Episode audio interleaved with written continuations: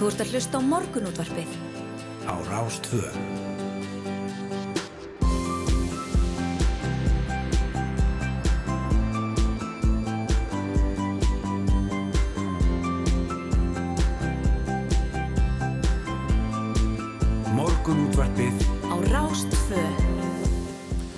Morgun útrafið býður góðan dag þennan um, síðasta dag ágústmónaðar um, miðjögudagurinn 31. ágúst klukkuna 8 tímindur í sjó það eru yngvar Þóru Snær og Sindradóttir sem alltaf sitja hérna með okkur til klukkan nýju vennju samkvæmt. Já, og eins og vennilega þá ætlum við að bjóða upp á eitt og annað áhugavert og skemmtilegt. Hér í uppáð þáttur ætlum við að ræða aðeins sorgina sem er áhugaverð en sannlega ekki mjög skemmtilegt. En uh, skemmtilegur missir ástvinna getur haft mikil og langvarandi áhrif á þau sem eftir standa. En rætt verður um sorgar, viðbröð og óvænta missi á ráðustöfni sem fer fram í dag í húsakinnum íslenskrar erðagreiningar. Þau koma til okkar og segja frá viðfangsöfn sorgarinnar Guðrún Jóna Guðlöksdóttir, fagstjóri hjá sorgarmiðstöðinni og Freyr Eyjólfsson fjölmjölamæður sem eru fundastjóri á ráðstöfninni. Emitt og úr sorgin í mávana því borgarfulltur á sjálfstæðarsflokksins hafa lagt fram tillögu um að greipið verið til aðgerð að koma böndum á máva í borginni. Það meðal annars lagt til að fara í hertar aðgerði gegn máið við tjörnina í Reykjavík og að sportna við máva varp í eigum í Kollafyrði.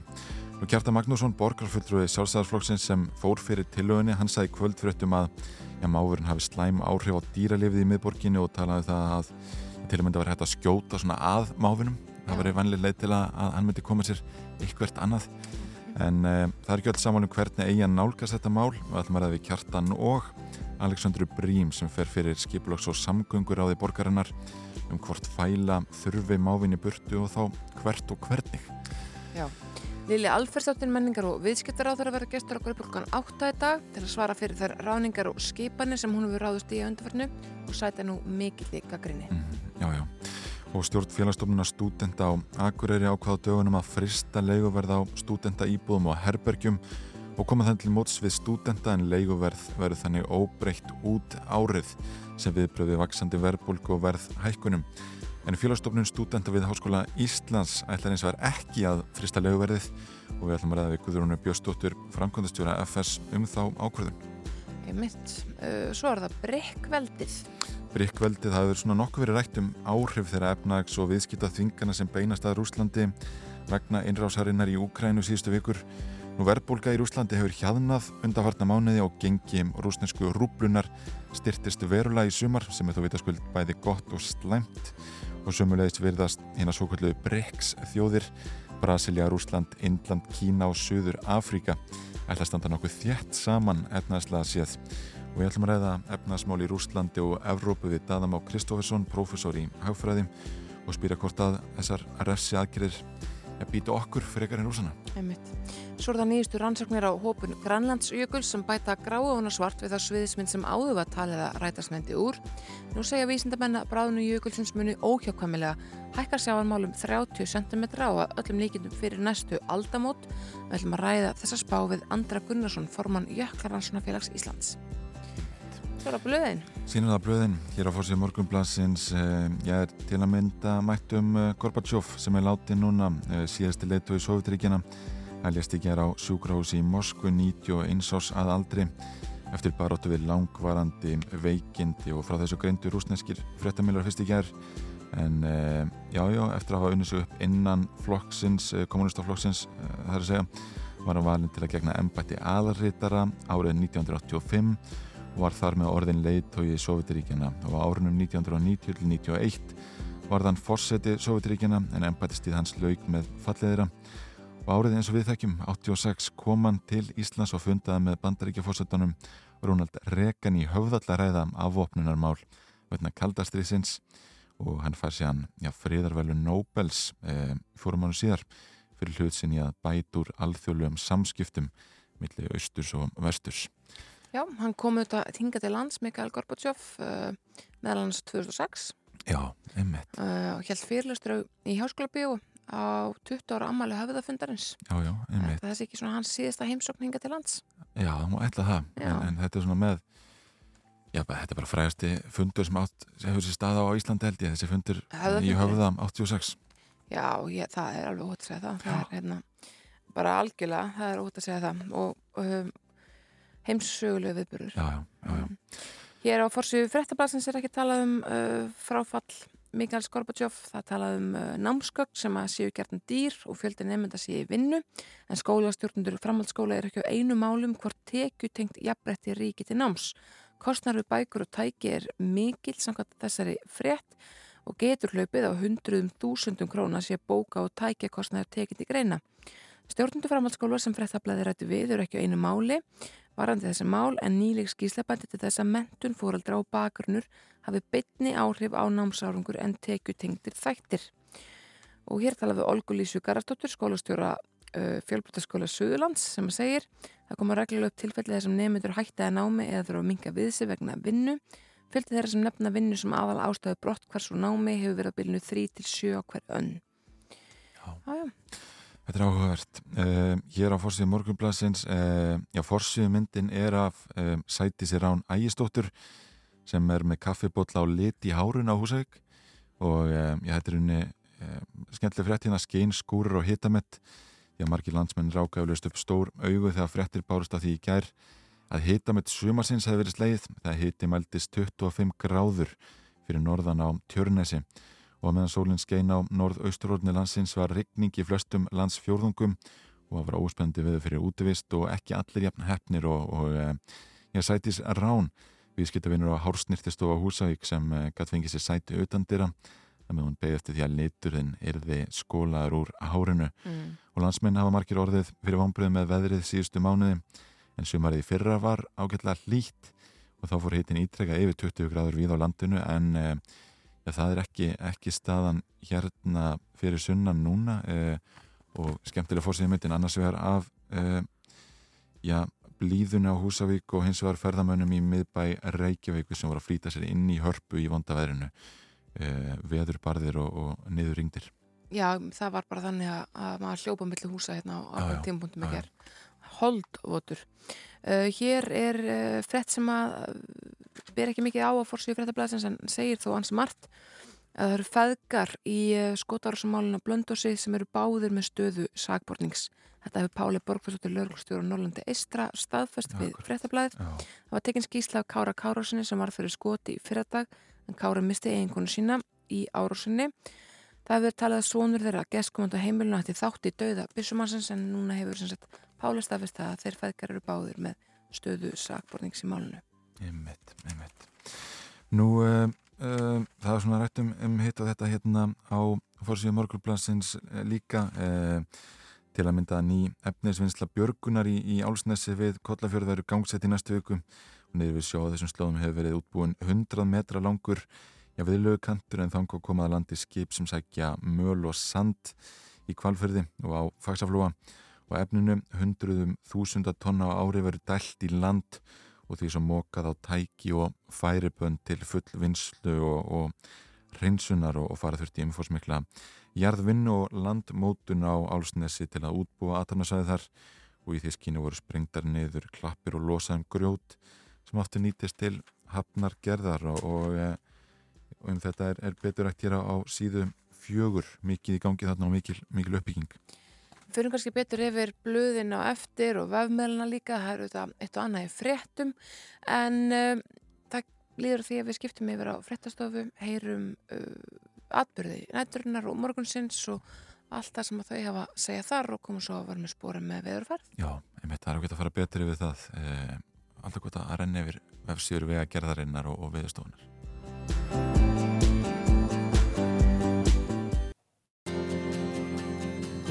Þú ert að hlusta á morgunútvarpið. á Rástvö.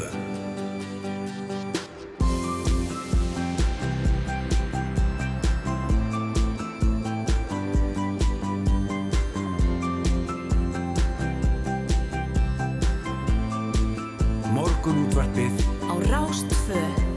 Jú, þakkum fréttastofunni fyrir þetta og bjóðum aftur góðan dag hér í morgunútvarpunar ás 2.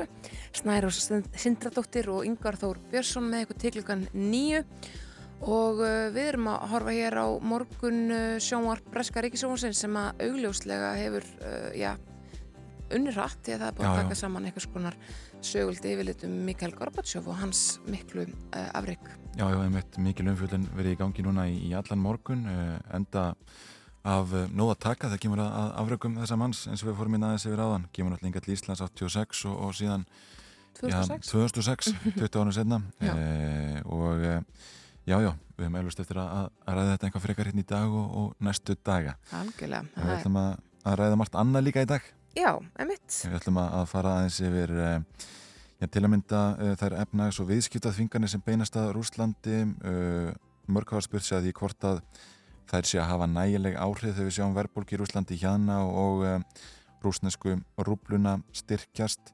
Eh, Við ætlum að ræða við Daðam á Kristófesson, professor í hagfræði um efnaðasmálinn í Evrópu og stöðu BRICS þjóðana, Brasilíu, Rúslands, Indlands, Kína og Suður Afríku sem verðast alltaf standa nokkuð þjætt saman efnaðslega séð á, á næsta árum. mm. Svo ætlum við að ræða nýjustur ansóknir varðandi bráðnun Grænland, Grænlandsjökuls Já. Þetta var eitthvað erfið hjá mér. Ja, Grænlandsjökuls sem að bæta svona gráa og svart við það sviðsmynd sem að fyrir var uppi. Uh, við ætlum líka að fá til okkar Lilju Alfredsdóttur, menningar og viðskiptar á þeirra. Já, já, einmitt. Ræða við hana þessar eh, ráðningar. Um, við ætlum líka að- ræða uh, um leiguverð á uh, stúndagörðum því að stúndagarðarnir á Akureyri hafa ákveða frista leiguverð. Það verður ekki gert hér á höfuborgarsæðinu og við spyrjum hvers vegna. Guðrún Björnstóttir, frangarstjóri FS kemur til okkar og síðan er að mál málana í borginni, ekki leikskólamálin heldur mávatnir. Já, borgarfulltrúar eru að ífa fjadrirnar Já, þessa dagana út af uh, máinum. Vel orðað. Já, Eh, við fáum til okkar eh, Hjartar Magnússon frá Sjálfsæðarflokki og Alessandru Brím frá Pírutum. Þau eru ósamálega um þetta mál, hvernig eigi að nálgast eh, já, mávana hvort eigi að koma þeim í burtu þá hvernig og, og hvert eh, þau komið til okkar hálf átta. Já, við ætlum að hefja þáttin á að ræða ráðstöfnum sem fer fram í dag um skindilegan missi, sorgar, viðbröð og allt sem að því tengdu við eh, gott fólk sem að þeirri ráðstöfnu stendur. En veðrið, næsta lagð kemur landinu með mótnunum. Henni fylgir sunnan 8 til 15 metrar á sekundu og rigning sunnan og vestanlands. Það er útilt fyrir talsverða úrkomu víða og engum við fjöll, en norðaustan til einni búast við rigningu en þó í minna magni. Það verður áfram hlýjast á norð-austamarurlandinu þó ekki með búist við jafn heitum degi þar og í gær en hæstu tölur verða þó líklega um átján stig. Þannig að eh, við sem að hugsaðum, já það tekur því nú ekki fara norður, höfðum rátt fyrir okkur. Já, já, Í gær, alveg segja það það. maldist til 25 stegi hitti. 25. hitti hita með sjömasins Ótrúlega. fjall í gær í lok ágústmánaðar. Kortið Eh, sýnir bara grenjandi regningu hér já. öllum vestur, vesturhelmingi landsins upp úr hádegi og fyrir hádegi og all, í allan dag. Þetta Já, já. er bara, það verður blökt á landinu. Það er svona viðeigandi svo sem fyrir uh, síðasta dag ágústmánaðar. Uh, en ef lítum að sér á, á uh, já, vef, vegagerðarinnar þá kemur fram það sem komið hefur fram núna síðastu daga. Það er tölvert um framkvæmdir á höfbrukarsvæðinu sem og í nágrinni þess vægfærandur bennur um að virða merkingar og hraða takmarkanir og sína aðgátt á vinnusvæðum. Við lítum á, Suðvesturlandi þá er verið að tengja Suðurlandsveg og Biskupstungna veg við ringtorkið hjá Toyota á Selfossi. Og hjálega er um gamla þjóvegin sem tengist inn á ringtorkið hraðan verið tekið niður þar og umferð eh, lift á eins fljótt og vera má. En þarna má búast við einhverjum töfum. Nú það vera lokanir á Krísuvíkur vegi eh, milli klukkan 8 núna í morgunsárið til klukkan 8 í kvöld vegna kvikmyndatöku. Eh, og þetta já, bæði í dag og síðan aftur 3. og 5. september og svona reglulega verið einhverja kvikmyndatökur hérna við Krísuvík Já, hvernig fáum við að sjá afraksturinn? Vistu ekki gera annan en tala um þetta? Nei, nei, við býðum spenntið til því eh, og eh, já, á eh, héræðum vegna vinnu á upp héræðsvegjum og umferðartöfum það er tekið niður í 50 km klukkustund og vegfyrandi bennur um að aka með gát og síðan er, er langur listi hér af, af alls konar vegavinnu sem fer á staði í dag og er að finna bæði á Twitter síðu vegagerðarinnar og á VF vegagerðarinnar og, og ágæta að ég lesa allavega áður en farið á staði í lengri ferðalög. Við skulum byrja þáttinn á tónlist, þetta er Vertu Úlfur með Emilion Torrini.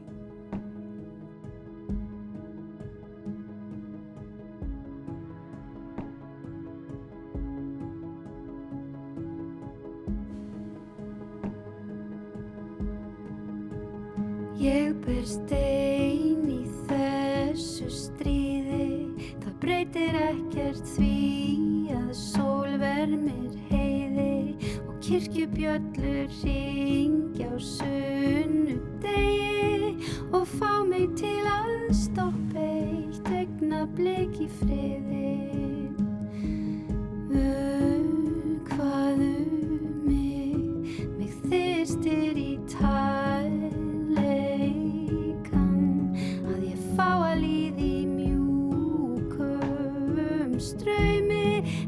pilsfaldur í sumargólu Ég vil vakna þakkinn dögg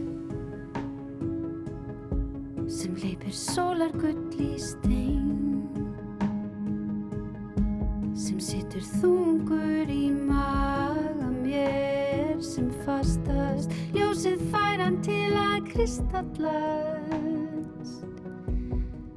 og endur speklar hlýjum um mig allan. Inn í fingur góma. Þér vil ég þjóna.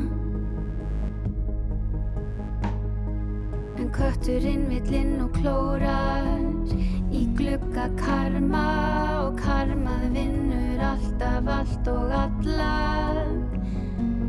af hverju býr hjartað ekki í höfu kúpu og heilin kvílist við? Sefandi lungu þá myndir rigna yfir heilan ástar hjúpur og kæla þetta sviðna hugar ángur og ég vil að þú vitir að hefði ég haft vitið dansað við þig bara. Ég ringsólast í törum og skuggasælu til ég veltist um í tjörum og hvítum fjörum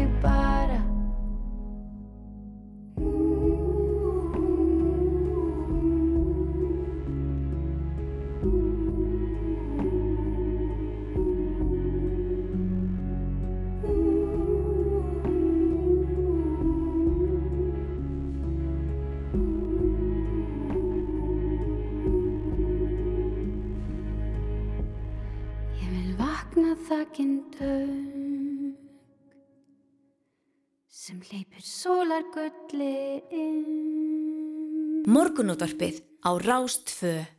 Alla virka daga frá 6.50 til 9. Jú, jú, þetta blessaða stef sem ég blæður alltaf yfir. Frá 6.50 til 9 Jú, jú, frá ágætt að minna það. 6.50 til 9 við erum, hérna, við erum mætt og verðum hér til 9 og svo kemur Þorvar Helgi og tekur við og svo kemur Poplandið og þetta verður bara skemmtilega dagur á rásun held ég. Já, já, eins og alltaf, eins og alltaf. Hér á síðu 2 í frettablaðinu er uh, uh, rætt við Björn Levi Gunnarsson þingmann Pírata. Hér segir að fimm mánuður séu síðan Sigur Ringi Jóhansson innviðaráðura var kærður til fórsættisnefndar alþingis fyrir brot á síðarreglum fyrir ummal sínum Vigdísi Hersler framkvæmtastjóra bændarsamtakana í glæðskap tengdum búnaðaþingi. Þetta var svo kallar flokkaparti eins og þeir eru á, á þinginu um, en varaformaður varaforsetti fórstnefndar, hann segir ekkert hafa gerst í málunum, það er þess að Björnlefi hann segir, það er ekki neitt af frétta. Það reyfist ekkert hjá honum Birgi Ármannsinni, sem er fórsetti fórstnefndar, sem er ákvarðan að fælnasti maður sem ég veit um. Hann þarf alltaf að fá eitthvað annað álit segir Björnlefi við erum svo sem öll unnið með þannig fólki, er það ekki? Jú, fólki jú. sem þarf alltaf að fá annað álit Já, að vera já. algjörlega vissum að þetta er En það getur verið að svona til lengdar að það getur tekið tíma, það getur tekið tíma. algjörlega Taldum sko kærur og, uh, kvartanir, þá erum við frétt hérna á 8. síði morgunblæðinu um það að uh, ég ennbætti að umbóðsmann alþingis hefur aldrei leist úr fleiri málum á einu ári. mm Uh, Metsleið í fjölda kvartana, málin voru tæmlega 600 tálsins og tafur á afgræslu mála uh, af hálfu stjórnvalda var algengasta umkvörtunar efnið í fyrra. Uh, nána sama hlutfall undanfærin tvö ár en, en uh, síðan er málumni ofinbæra starfsmanna þeim fjölgar sem uh, hafa verið fyrirfæra mikil og koma næst uh, á eftir svonundum tafamálum. Lilla tíunda hver kvörtu nú var vegna þess þar á eftir komu almannatryggingamál en, en hlutfall er að hækkað úr 5% í 8% mill ára og COVID-19 hafði tölverð áhrif á þessar kvartanir. Uh, já, já, já, hann hefur verið uh, svona öflugur og ábyrjandi já, uh, nýr umbóðsmaður alþingis Skúli Magnússon já, já, það er út að segja það. Að það er ótt að segja það. Uh, hér er hans talað tengslu við þetta á vísi líka. Þá er talað um að, að svo hægt að verist ónöndilega fyrir hendi eftir langvarandi ástand líkt og í heimsfaldrinum. Það fari stjórnvöldi auk- auknum mæla lítið á skerðingu grundvallaréttinda sem léttvægar að jafnvel sjálfsaðan hlut með þeirri afleiðingu að réttarur ekki borgarannar skerðist til frambúðar. Þess að segir í þessari skýslu umbúsmanns uh, varandi það hvort að, að COVID-19 hafi reynda á þanþól grunnrækla réttaríkisins Já, já, já, þetta er mjög forðanlegt og þetta er eitthvað sem að hefur kannski í raun og veru verið of lítið rætt með það sem að, að gekka á hérna. já, já, nákvæmlega, nákvæmlega. Það spurning hvort við, við vekjum okkur með uh, hot chip. Já, ó, ég sá það eins og lögðsvæll var ákvaða gaman. When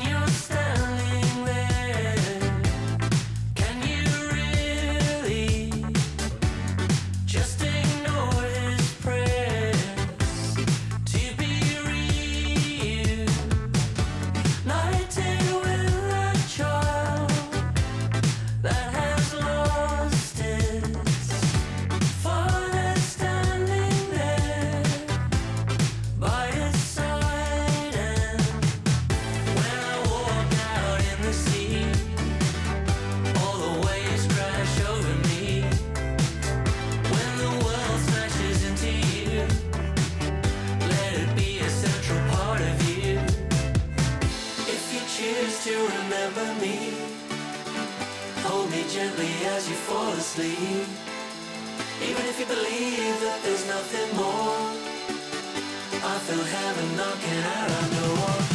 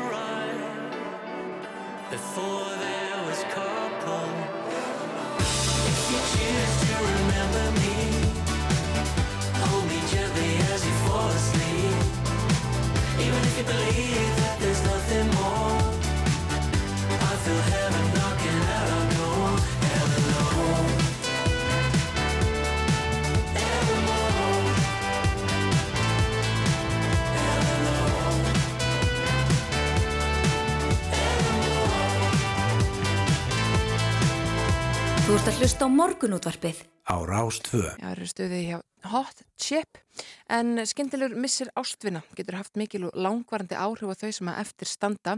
Það verður rætt um sorgar viðbröð og óvendan missi á ráðstöfnu sem fer fram í dag í húsakinum íslenskar erðagreiningar en þau eru komin til að segja ykkur frá þessari ráðstöfnu og já, viðfangsafnum sorgarnar. Guðrún Jóna Guðrúksdóttir fagstjóri hjá sorgarmiðstöðunni og Freyr Eyjálsson fjölmjölamæði sem verður fundarstjóri á þessum, uh, þessari ráðstöfnu í dag. Verðið velkomin. Takk fyrir. Fyrir. Sko, sorgin er auðvitað reysastórt og hún hefur ótrúlega marga byrtingamyndir og það er sorgarferli sem að sumir þekkja og aðrir ekki og svo framvegis. Eh, Hvað verður nákvæmlega til umræðu þessari ráðstefnu í dag? Heyrðu, við ætlum að, að, að fjalla um missi sem sagt, ástvinna utan stopnana. Það er, það er að segja þú, uh, þegar fólk missi skyndilega og, og viðkomandi að ástvinna er ekki úrskurðað látin á heilbyrjastofnun heldur heima. Mm. Og við erum með kerfi sem að heldur utan um fólk og fólki hérna ef það er, er hérna eitthvað deyr á spítala eða á stopnun en, en hérna þar er svona fólki beint í ákveðin farveg og aðstofað við að tala við börn og svona aðeins svona haldið utan um fjölskylduna. En ef að þú missir ástvinn heima þá er svona minna í bóði og við finnum að fólk eru að upplifa það að það sé ekki svona samræmdu stuðningur og veit ekki hvert á að leita og svo leiðis og við viljum horfa sérstaklega á þennan hóp í dag. Mm Mm. Hvers vegna heldur að vant þennan samrændastuðning og, og, og er, er eitthvað, hérna, eitthvað sem stjórnvöld er að gera núna sem, sem gæti hjálpa? Sko, uh, fyrsta lagi það er, er, eru hérna góðskref hjá stjórnvöldum eins og til dæmis að, að viðkjanna það að, að þú þurfir tíma til að púslaði saman eftir missi og þessi lög um sorgarálof eftir basmissi sem að voru sem sagt, samþýtt í vor eru bara framfara skrefi þá. Veist, þar eru við að viðkjanna að, að þar á vinn og sorginni og, og hérna og þú þurfur tíma til þess. Og það er hérna skrefi rétta átt. En, en það er einmitt mörgum spurningum ósvara í sambandi við sorgarólofið og við fáum einmitt guðmyndinga e, ráð þeirra til okkar og að svara spurningum eins og e, frá hvaða tíma tóku lögin gildi, hvar sækjur um, hvaða fylgi skjöld þeirra og er báðir fóreldrar sem að geta sótt um, geta að skipta milli sín og annað svona, það er svona mörg praktisk mál sem að vonandi koma fram í dag Og kannski pappirsvinna ekki svona fyrsta sem að maður hugsa um þegar maður er í standur í þessum spórum. Nei, það þarf allavega að vera mjög skýrt að þeir sem er að stiðja aðstandendur viti hvar um, hvar geta leita upplýsinga og fengi svör við þessum spurningum. Önnur flókin viðfarsafni sorgarnar freyr, þú ert fundastjórið þarna í dag. Hvernig fer þetta allt saman fram?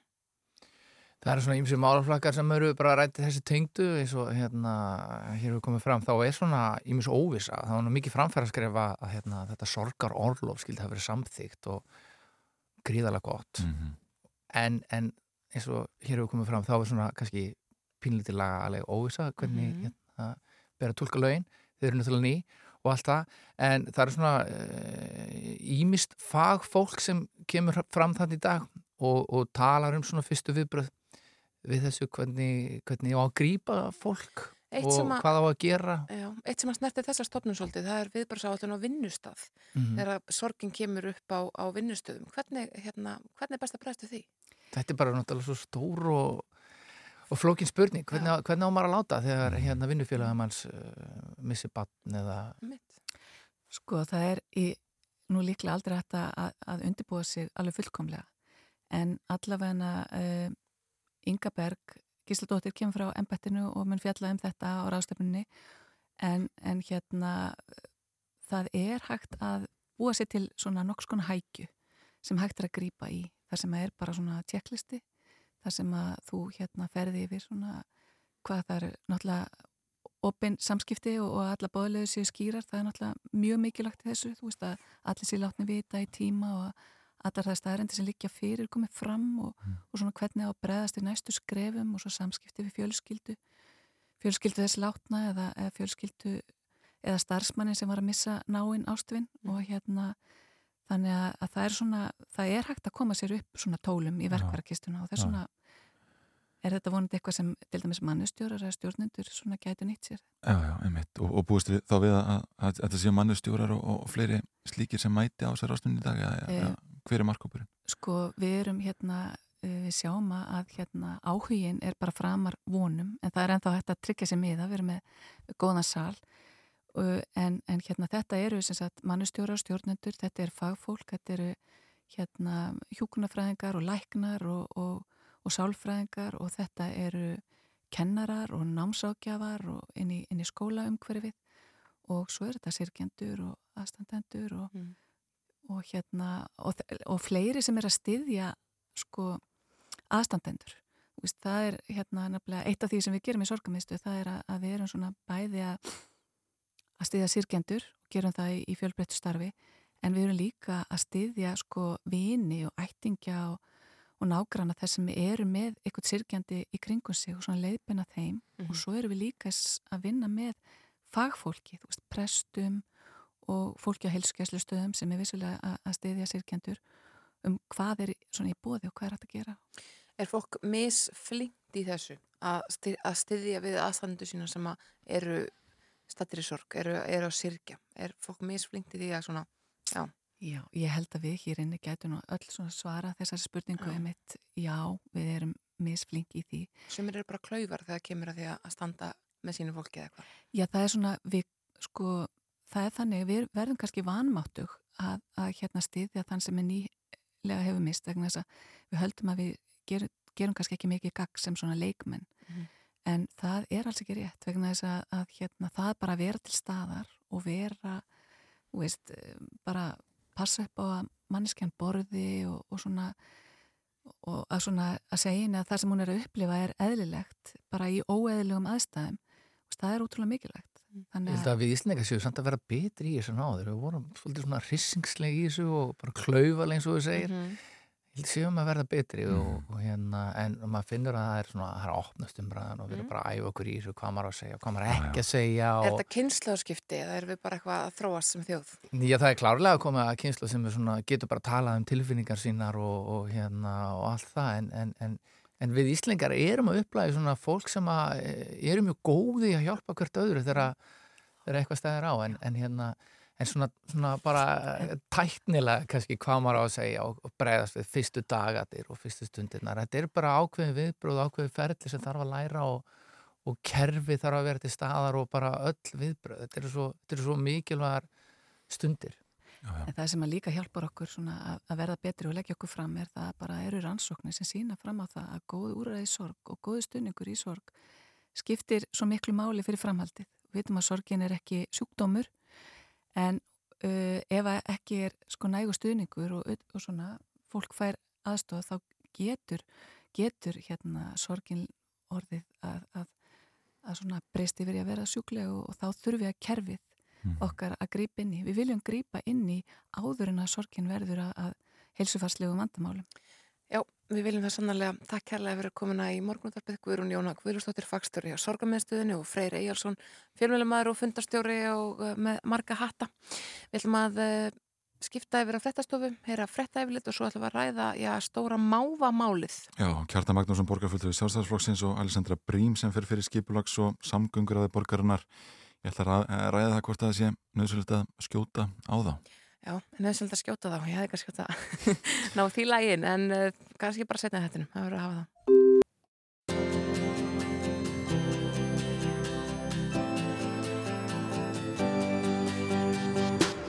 Þú ert að hlusta á morgunútvarpið á Rástvö. Jú, jú, frétt eftir þetta bæki og morgun útrapið heldur ég áfram yngvar Þóru Snæður og Sindradóttir með ykkur til klukkan nýju dagins og alla virka mótna. En borgarfullur á sjálfstæðarsflokksins hafa lagt fram tilugum að gripið verið til aðgerð til að koma böndum á máva í borginni og meðal annars lett til að fara í hertar aðgerðir gegn máið við tjörninni í Reykjavík og að sportna við mávavarp í eigum í Kollafyrði. Og hingað eru komin Kjartan Magnússon, borgarfullur við sjálfstæðarsflokksins og Alessandra Brím sem fer fyrir skipulags og samgöngur á því borgarinnar. Góðan daginn. Góðan dag, takk fyrir að bjóða okkur. Hvað segir þú Kjartan? Er, er eins og ég orðið aðan, er, er nöðsynlegt að skjóta á þá? Já, það þarf að gripa til markþættir að aðgerða. Það þarf að, að fæla þá uh, frá stöðum eins og tjörninni og uh, það er reynda til nokkra aðferði til þess en, en uh, að skjóta á þá svona af og til er sennilega það sem virkar best segja mér eldri menn sem stóðu í svo sínum tíma nú síðan þarf að hvetja almenning bara með fræðslu og skiltum til þess að gefa ekki uh, máunum og koma þannig veg fyrir hefði mat og svo í þriðalagi þá þarf að svona draga úr útbreyðslu uh, máana hérna á höfuborgarsvæðinu með því að uh, fara í varpið hjá þeim. Já. Hvernig ætlar að gera það? Já, þetta, það er að gera mjög sem aðferð, þetta var gert þetta bara með mjög, mjög virkum hætti áratugum saman. Mm. Það var ástæðan fyrir því að þeir, þeir heldur sig á mottunni, svona hérna í, í, í byðinni og, og uh, þetta var meðal annars gert þess að verða endurnar á tjötnin en, en líka svona þetta hafði áhrif yfir allt hö, höfuborgarsæði. Það voru, það voru menn í þessu, það voru Lóðurglan var eitthvað tíminn í þessu, meindiræðar borgarnar, þeir voru í þessu, fóru í þetta reglulega. Þetta er allt, þetta er allt þekktar aðferðir. Já, já, einmitt. Þetta er ekkert ómögulegt eins og sumi segja. En Alessandra, hvað segir þú? Er þetta aðskilett? Nei, þetta er það nú ekki sko en fyrir, fyrir það fyrsta þá er Reykjavíkuborg með stefnu um verndun um, lífræðilegs fjölbreytileika og það er ekki alveg í samræmi við það að fara ákveð, í það að ákveða sum dýr séu góð og önnur dýr séu vond og það sé gaman að gefa sumum brauð og hinn eigi að skjóta. Eða, veist, þetta er pínu veist, eh, það, það væri pínu, pínu asnalegt. Ég get alveg skilið að fólki finnst máfurum færi töðunar á sér. En veist, þetta er einhverju leiti en það er samt bara það, það, það er ekki lausnin að fara í eitthvað svona aðgerið, það var reynd eins og kjartan þetta fór yfir árum saman og það breytti ekki dvolega miklu það, reynslan af því var uh, að staðbundi breyttist sem sagt hvað þeim fjölgaði mikið. En þá bara komum á var annar staðar að bara frá svæðin í kringum Mósulsbæ eða Garðabæ eða eitthvað svo komum, komum bara inn í staðin En fáið þið ekki mikla kvartanir um bara að þeir séu aðgangsharðir og, og frekir? Uh, ég hef ekki verið að há mikið kvörtunum til mín persónulega, maður heyr- ég voruð vörð við umræðina og menna, ég veit alveg að mávar geta verið bjánar. Ég, menna, ég var í bóði hjá frengum minn um daginn og skildu við eftir snakkskál úti við grillið og uh, þegar við lit- litum aðeins inn fyrir þá kom máfur og byrjaði að borða snakki, rísa stór, ég var á starfi hund. Þessi má var ekki bjáni. en, máfur. en meina þú veist, dýr kom bara þar sem að er fæði að fá, æt, æti að fá. Sérstaklega alætur eins og mávarnir og við þurfum að passa upp á betur bara að, komi, að setja, ef við viljum ekki hafa það á einhverjum okkur stöðum að við séum ekki með mat á glambekk í opnum, opnum eða opnanlegum tunnum að, og bara við, hvernig við söpnum lífrænum úrgangi og vinnum hann þannig að við komst ekki í hann í stórum stíl eins og ruslahöfum í Kanada eða eitthvað svo leiðis Já. En er staðan eitthvað einstaklega slæm núna, Kjartan? Hún hefur farið versnandi. Þegar að Alexander segir að þetta hefur ekki breytt miklu, sko, þá, þá er það ekki rétt vegna þess að maður fylgist með þessu árum saman og ég hef talað með menn sem stóði í þessu áratugum saman og þeir eru allir samfæðan það að, að sko máurinn, hann er gáað, kvikindi og hann máurinn fattar að, er á, að þeir eru á eftir honum en ekki, og endurna fattar að þeir eru ekki eftir, eftir þeim. Þannig að máurinn fælist og til að ég manni talaði um eindiræði hafnafyrði því að hafntinningar heldur áfram eftir reykingar hættu að amast við mafnum. Og þar var, þar var mikill árangur hans starfi þannig ég er, svo, ég er algjörlega sannfærður um að þetta breytir tölvört miklu. En svo var ég gaman að spyrja hérna, fulltrú á meirulutan sér uh, út frá þessari stefnum lífræðilega fjölbreytileika sem ávist að vera ráðandi er þá ekki, er þá ekki næsta skrefið eh, bara verður ekki farið það strax í dag að gefa meindiræðum borgarinnar skipunum að hætta að veiða mís og rottur eða það er þá ekki bara jafnmingi tilveru rétt og, og mávarnir Já, það er það voru að veiða þær sko Mm. Hver svarar þessu? Hvernig svara ég þessu? Það er bara hérna, alveg skoðandi að við viljum, viljum ekki útrýma þeim, þeim dýrum heldur en það veltur svolítið á því hva, hvaða, er að, hva, hvaða áhrifum þau eru að valda. Auðvitað vitum við það að rottur sem að eru í manna húsbílum eða við veitingarstaðið eitthvað svoleiðis geta verið að öðna, dreifa sjúkdómum eða einhverju hættu og þá eru málumnælar ástæði fyrir því að fækka þeim þar. Það er, það er bara vitað. en í hólrarskerfinum Uh, það, ef, ef þú ferð ofan í hálfarsakkerfi þá er ég vissum að þú getur fengið, fengið einhver óværu af þeim en það er ekki beinleins mikið fólki þar dagstaglega en uh, það eins og mega, ég það mega vera þar, þínu vegna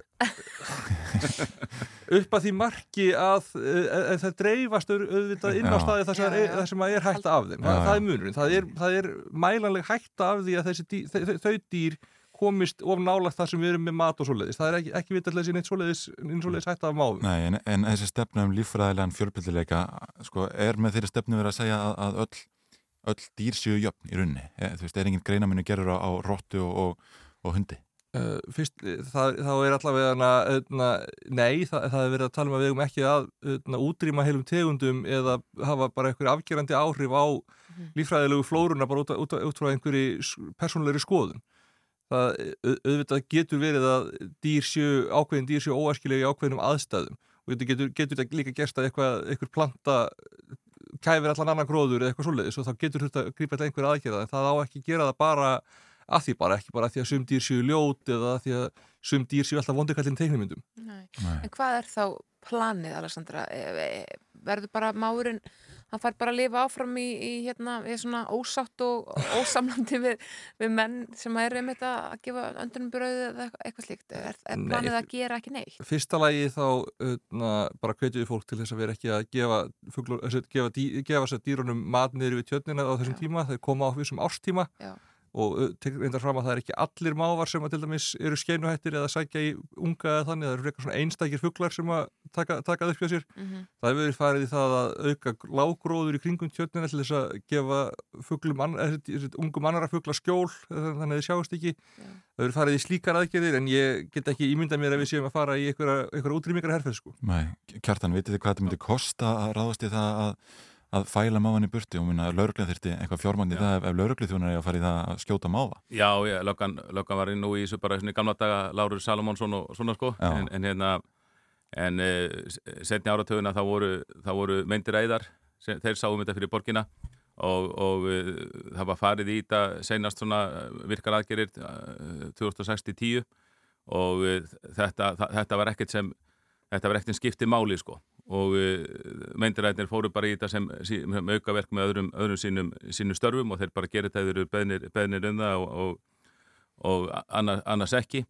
Og uh, það, það þarf að gera þetta. Fólk finnur, fólk, það er kannski mest talað um fuglalífi við tjörnina. Þeir sem, þeir sem fara ofta á tjörninni, þeir sjá þetta það er kvartað yfir því, ég hef heyrt það í sögum að fólk segi við mig bara það, það sést valla ungi á sést valla ungi á, á, á, á tjörninni. En þetta er líka á öðrum tjörnum og pollum í kringum, kringum borgina. Ég heyrt það fólki sem fer kannski daglega okkur í tjörn og þeir segja bara að ungarnir voru teknir og auðvitað hefur það þau áhrif til langstíma að eh, að endurnar og, og, ekki, og bara alls konar endartegundir hætta að, að verpa, þær bara fæ- færa sig annar það sé svona til að, til að til að for- forðast máin og, og, svo, og við erum ekki að tala inn á útrýmingar herferð, það, það er svo, það er svo dæmigert sko, maður er að tala um að fæla máin burtu. Auðvitað er, er það ekki dætlinu og gerir mér enga vonur um það að það sé hægt að útrýma þessari, þessari dýrategund það er verið að tala um að, að halda henni niðri. menna, menna dýrin koma úr Já. bara á, á öðrum svæðum veist, nema, og, það, það fjöldi unga sem kemst á legg bara í samræmi við fæðið sem er í bóði við leysum þetta vandamál ekki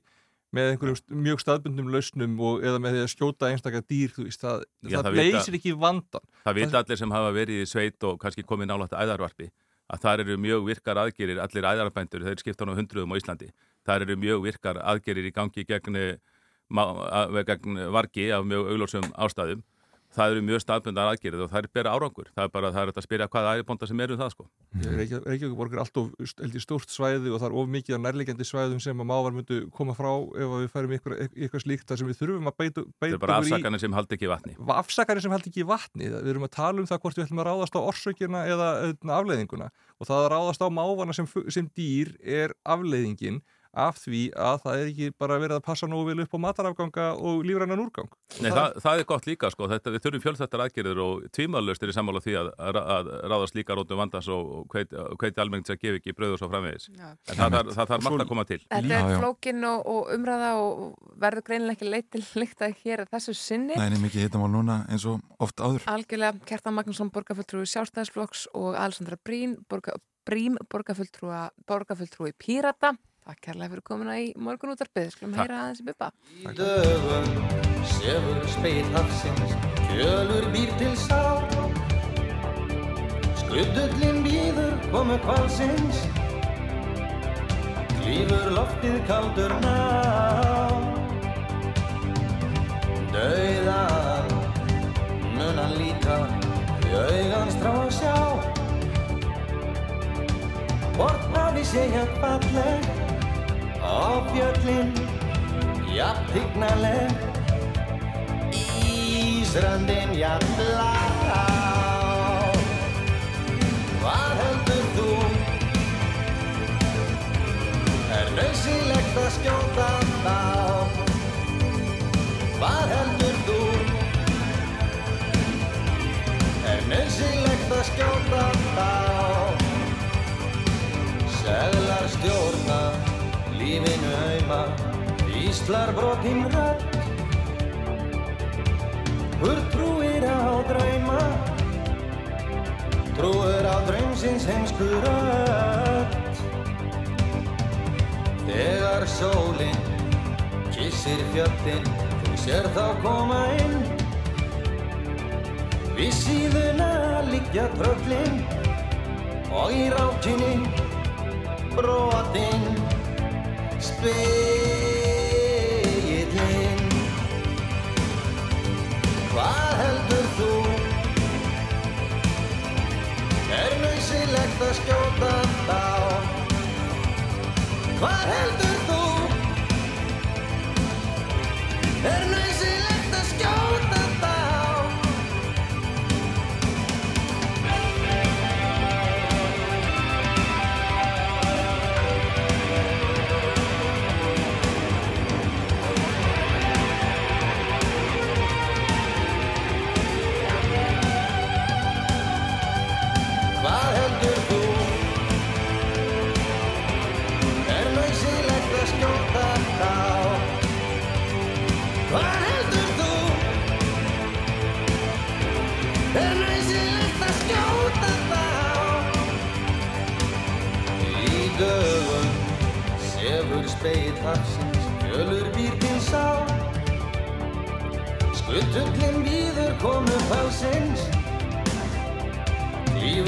lofti kaldur ná Dauða mun að líta í augans drá að sjá. Hvort að við segja kvarleg á fjöllin?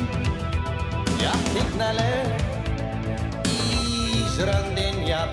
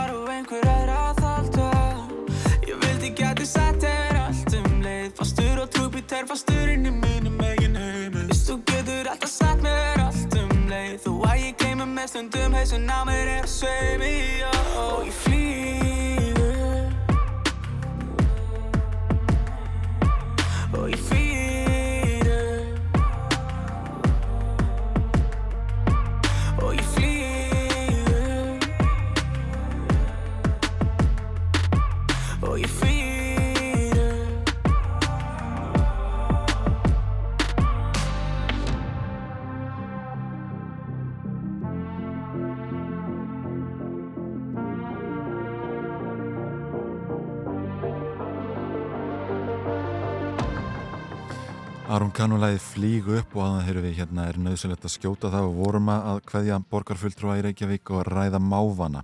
Já, það er svona fuggla þema hjá okkur í músikinni. Það er fuggla þema í músikinni og verður í allan dag. Nei, nei, nei, nei sem betur verið ekki. Uh, en stjórn félagstofnuna stúdenta á Akureyri ákváða dögunum að frista leguverð á stúdenta íbúðum og herbergjum og koma þannig til mótsvið stúdenta. Leguverð verður þannig óbreytt út árið sem viðbröði Nú félagstofnum stúdenda við Háskóla Íslands ætlar eins og er ekki að frista leguverðið og Guðrún Björnstóttir Frankondastjóri FSR hinga komin. Góðan daginn. Góðan daginn. Hvers vegna er ekki þetta að frista leguverðið hérna í höfuborginni? Sko, það, það er ekki að segja að sé ekki allt hægt en uh, bara til þess að fara hans yfir það þá er félagstofnum stúdenda óhagnaða drifið, drifið sjálfsvegnastofnun og við þurfum auðvitað alltaf að gæta vel aðrækstrinu vegna þess að í rauninni er alltaf að ná nulli með allt sem við erum að gera. Og við erum auðvitað með umfáðsmögla starfsemi og hvort sem að það er veitingarsalan eða stúdendagarðarnir eða bóksalan að þá er álagning keirð algjörlega niður og leigan er höfð eins lág og hún mögulega getur verið alltaf. Okkar daglega verkefni er alltaf að hafa allt eins ódýrt og hægt er. Mm -hmm. uh, Kanski bara til þess að minna á að þá erum við lang ódýrust á leikumarkaði hérna. Okkur hefur tekist að, að vera hérna, verulega langt undir almennamarkaðinum Og þetta er svona kannski bara það almenna. Svo það sem við höfum verið að kljást við þar til viðbótar, bara svo sem eins og allir, eru þessi áföll sem að hafa dönið yfir. Við erum með rosalega einfalt leigumódel. Það er þannig að leigan þarf bara að standa undir daglegum rekstri, það þarf að vera hægt að borga vaksta göld, það þarf að vera hægt að, að halda við uh, og það þarf að vera hérna, og borga af lánum það er ekkert umfram þetta. Þannig að leigumótulega kert alveg niður. Þetta er reknað út á hverju ári. Mm. dugar leigan til þess að, að standa undir þessu? Mm. En leigan er svo bundin uh, vísutölu ekki satt og hún hefur verið að hækka þessu ári. Já, sko ef við horfum bara við skulum horfa bara aftur til ásins 2017 sem er sko þegar við settum síðast út flata hækkun á leiguna. Mm. sem að félagstofnum stúdenda var að gera það. Vegna þess að þetta einfalda reknimódel það er búið að halla og allar götur síðan þá. Leigan dugar ekki til, við hefum ekki sett út hækkanir við höfum tekið það á okkur. Uh, það er hins vegar alveg harriðt að leigan hefur hækkað alveg stanslust síðan þá mm -hmm. og það er að því að hún er vístölutengt. Mm -hmm. Og er það eðlert að hún sé vístölutengt? Já, það er eðlert á meðan öll fjármögnun okkar er bundin vístölu. Mm. Því annars er þetta bara eins og piss í skóin sinn. Þú getur ekki tekið lán og í tilvikið stúdendagarða þá sem betufer til þess að við getum haldið áfram að byggja þá fáum við 90% af byggingakostnaði lánað. Mm -hmm. En eins og afverð þessu ári síðan að rússar uh, reyðist inn í Ukrænu og verðbúka fór að hækka og svo framvegis, þá hefa sko námslán eða, eða laun námsmann ekki að hækka. Nei, alveg hár rétt og ég held að sko, það hefur verið eitt af baráttumálinn stúdenda er að fá sko, sko húsnæðisgrunn námslána endur skoðaðan. Mm -hmm. Því ég held sko að það sé bara nákvæmlega þannig að það sé svolítið miða við félagstofnum stúdenda í því. Þannig það má segja að þeir stúdendar sem komast inn á stúdendagarða eiga þá mesta möguleika á að kljúfa húsnæðiskostnað. Mm. Vegna þess að þessa leigu færðu ekki út á almennu markaði. Nei, þegar við tölum um þess að samfélslu ábyrg sem mann ræði við, já ræður um kollegiðinn fyrir norðan Um, tala um þetta að þetta sé svona hluti af þeirra samfélagslega ábyrða frista löguverðið um, sko þetta er náttúrulega svona stór og mikill og fjölbreyttur ekstur sem þið eru í. Þeir eru náttúrulega með, með matururnar og, og, og leigið út húsnaði bara fyrir stúdenda og náttúrulega fyrir vestlun til að selja stúdendum maturu uh, og sen er leikskólinu og annað slikt uh, er þetta mjög of stór rekstur til að, að hægt sé að halda verðinu niður í, í tilmynda í leigunni þegar maturverð hækkur verulega? Nei, það er alveg gert upp hérna sérstaklega. Það er ekkert af þessu sem rennur saman. Húsalegan er algjörlega tekinn bara stúdendagarðar og það er reknað út sérstaklega. Veitingasölun er haldið algjörlega aðskilið, leikskólar og bóksala. Þetta er allt gert og hver og ein eining verður að standa undir sjálfur sér. Það er allir gangur á því hvort að það tekst hjá okkur og ég hef margóft sagt uh, þegar þú ert í nullrækstri keppikeplið er að ná nulli og við höfum tilneyingu til þess að fara með verðin alltaf of neðarlega í þeirri von að annarkot massasala eða hagraðin geti náð okkur á landi. Við kvílum aldrei í einhverjum þægilegu verðum. Að það er erfiðar að hitta akkurat á null heldur en annarkort bara að hagnast eða tapa peningum. Mm. En, en, sko bara svo það sé sagt að þá hérna, fagna ég því auðvitað að félagstofnum stúdenda á Akureyri geti gert þetta og ég fagna því alltaf þegar að koma góð úrræði eða eitthvað er gert fyrir stúdenda, bara svo það sé sagt. Hins vegar kannski langar mig til þess að nefna að því að það er ekki þannig að við viljum bregðast siðferðisleiri skildu. Við erum alla daga að berjast í þessu.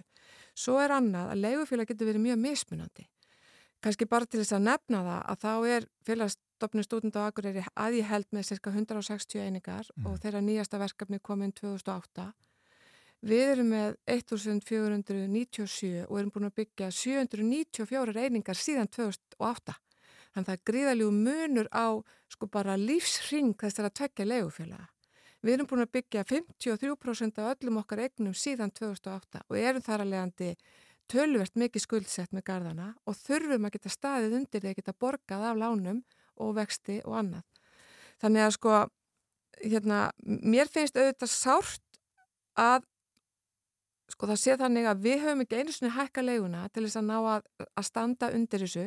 Við stöndum með stúdendum eins og við getum. Tveir verstu ofinir leigumótels félagstofnuna stúdenda eru verðhækkanur á húsnæði sem við erum búin að búa við í mörg ár. Því það, það eigur svo mikið þrýsting á leigumóteli því þá hækka öll göld sem fylgja því en félagstofnuna stúdenda er ekkert að fara að kaupa eða selja stúdendagarða. Þannig að þessi hækkun hún bara eigur þrýsting á leiguverðið og svo er hinn allra vesti ofinnurinn og það er þessi verðbólka. Mm -hmm. Við komum sér ekki lengra með þetta. Guðrún Björnstóttir, frangondastjóri FS, takk fyrir að kíkja til okkar í morgun útverfið. Takk fyrir. This view used to bring a smile to my face Lately it's done nothing remind me of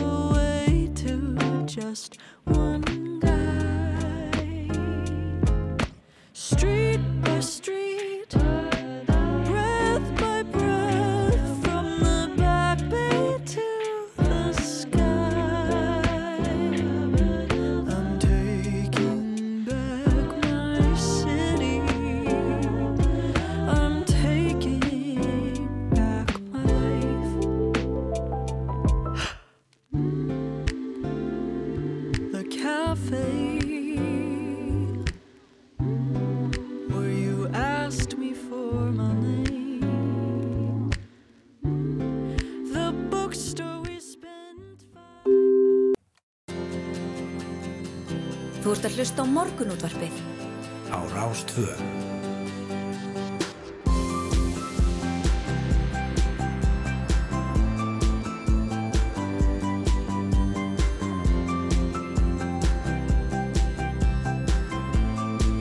Morgunútvarpið Á Rástvö. Já, framhaldum við hér í morgunútvarpun á Rás 2, setni háluleikur hafin og það eru Snæra og Sindardóttir og Yngvar Þór Björnsson sem að vera með ykkur til klukkan nýju, eins og alla virka daga. Er sest hjá okkur Lilja Alfredsdóttir menningar og viðskiptaráþura til að svara fyrir þær ráðningar og skipanir sem hún hefur ráðust í að undarförnu og sæta nú mikilli gaggríni. Við erum að ræða þessa hluti með hana. Vertu velkomin Lilja.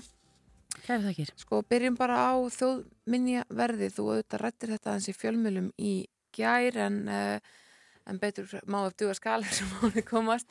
Uh, þarna ræður, uh, skiparu uh, þjóðminnavörð með þessar heimild á tilfærslu innan ofnbæra stopnana. Ég held að sé algjörlega óumdilt að þetta er hæfkona en það er mjög langt síðan að það hefur, auglist í þetta embætti, uh, langt síðan það hefur skipað og svona hefð fyrir því að fólk sitja eins lengi þarna þannig að hefði ekki verið réttar að gefa já, öðrum fólki tækifæri til þess að spreita sig á, þessu mikilvæga embatti innan opnbæra stjórnsýslu?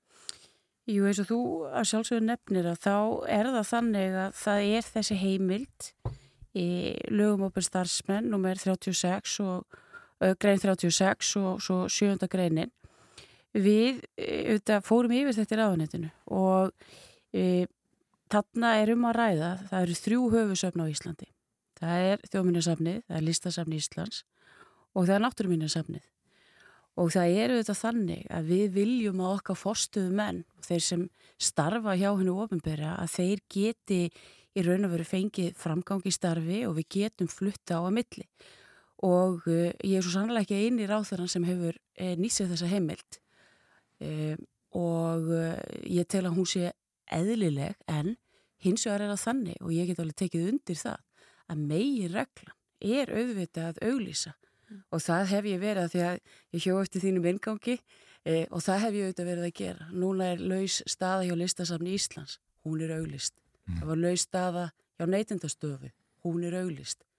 Ég er ég þjóðleikustjóra, útastjóra. Allar þessar stöður hafa verið auglistar, þannig að megin reglan er að við auglísum störf og það munum við halda áfram að gera. Mm.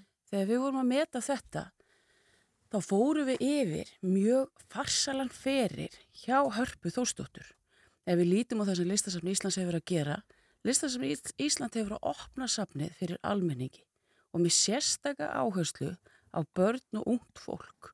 Og ég verð að segja ykkur alveg eins og er að þegar maður er á þeirra, þá hefur maður líka auðvitað ákveðinu sín á það hvernig safna menning e, þróast þegar maður ber ábyrð á henni. Mm. Og það sem ég finnst skipta mestu máli í þessu Eru Íslendingar að sækja söfni sín? Er það heimili Íslendinga að fara inn á söfn? Við ætlaðum að nefna eitt í þessu samhengi og bara bera saman.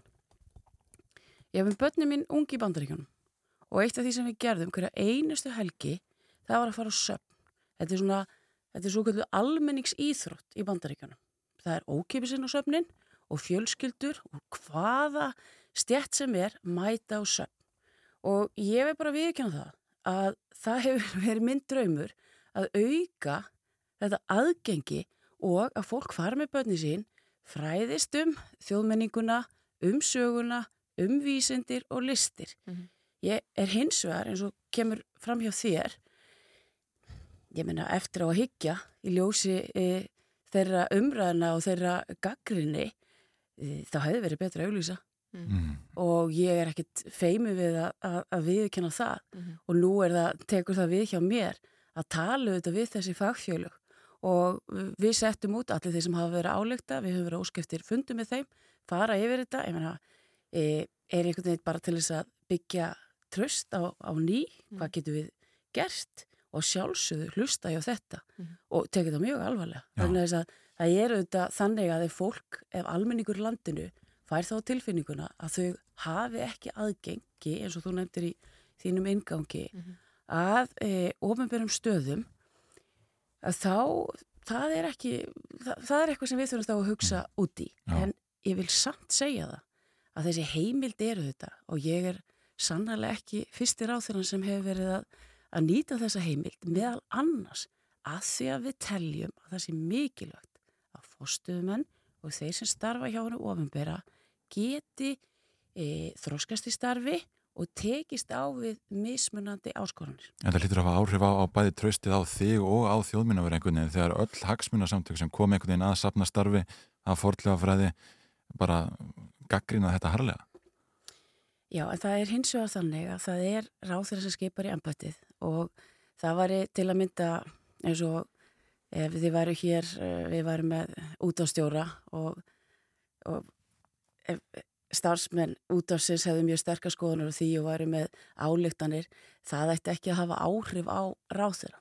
Hins vegar er það svo eins og, eins og þú nefnir að við viljum auðvitað að það sé e, sátt um þessu stöðu og eins og ég segi að það er auðvitað verkefni framöndan er að e, hitta þessa aðila, fara yfir það hvað er hægt að gera betur mm -hmm. er einhver, einhver ný tækifæri í stöðunni sem við getum unnið með og uh, vinna út frá því. Mm. Mm. En hefði hörpu þórstóttur sem að, að þú skipaði þessa stöðu ekki bara verið meiri greiði gerður með því að, að farið gegnum ráningaferðli þar sem að hún hefði jafnvel verið metin hæfust uh, hann hérna Sigjón sem er uh, Sigjón Baldur Haftinsson professor í Safnafræði við Háskóla Íslands hann sagði að það hefði verið eðlilegt að þjóminnaveru væri, með- með doktorsprófa að lámarki eins og hann orðaði það en þarna hefði kannski verið að meta mentun á gegn sko mjög mikill stjórn, hérna, stjórnunarreynslu. Og þá hefði bara já, þetta hefði, henni verið meiri greiði gefið með það að fara gegnum ráningaferðli Eh, ef við bara horfum á feril hörpu Þórsdóttur hún er með yfir 20 ára reynslu af söpnum eh, hefur eh, lært bæði erlendis eh, hefur gríðalega reynslu mjög farsælt stjórnandi. Og ég held að þegar við erum að líta til leiðtoga og fórustu fólks þá er mjög mikilvægt að þau nái svona tökum á því sem þau eru að gera. Eh, ég tel ekkit endilega þó að sé klárlega kostur að vera með doktorspróf en e, það kann líka að vera að það að vera hæfur stjórnandi með farsala reynslu að það skipti alveg jafnmiklu máli. Og það er alveg óumdeilt að viðkomandi einstaklingur, kona, e, er hæf. Og ég veit að hafna algjörlega þeirri gaggrinni eins og hefur komið fram e, að það sé verið að skipa einhvern Mm. í eitthvað starf.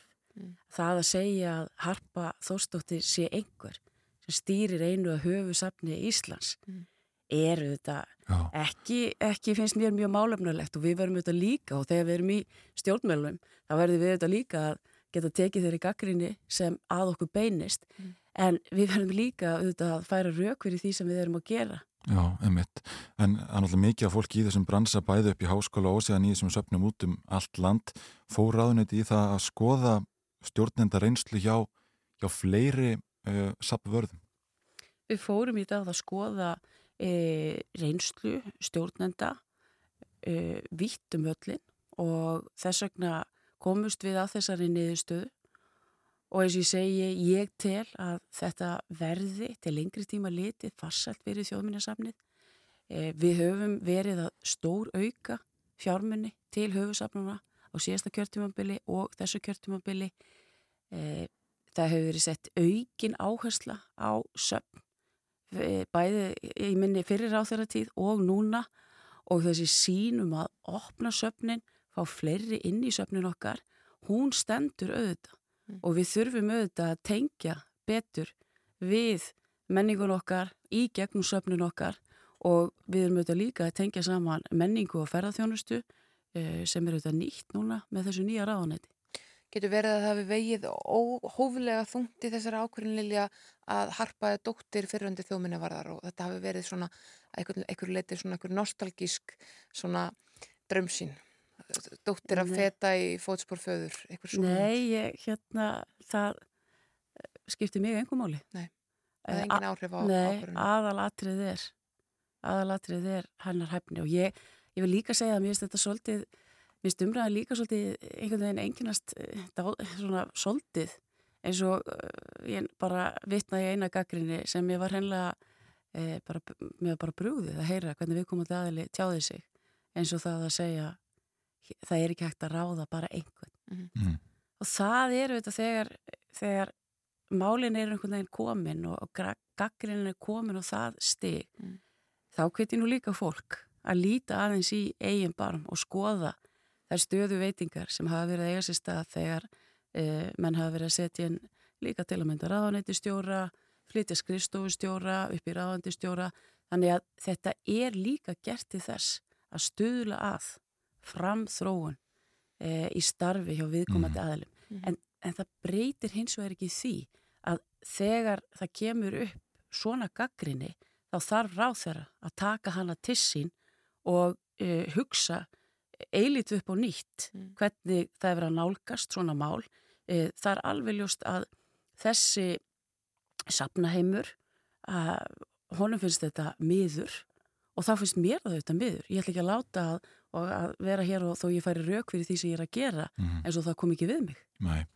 Taldum stöðuveitinga, það var líka rættið það í fréttum í gæra að neytendasamtökin sko segja það ósættanlegt að fulltrúa atvinnulífsins fái sæti í starfsópum samkefnis og neytendamálin en það sé hort fram hjá neytendum uh, hvernig blasir það við þér? Já, það er nú þannig að í fyrsta lagi verði ég að, að, að hérna, nefna það að þetta er ekki stöðveiting. Þannig verið að skipa í, í starfsóp sem á að skila til ráþjóra tillögum fyrir 1. februar.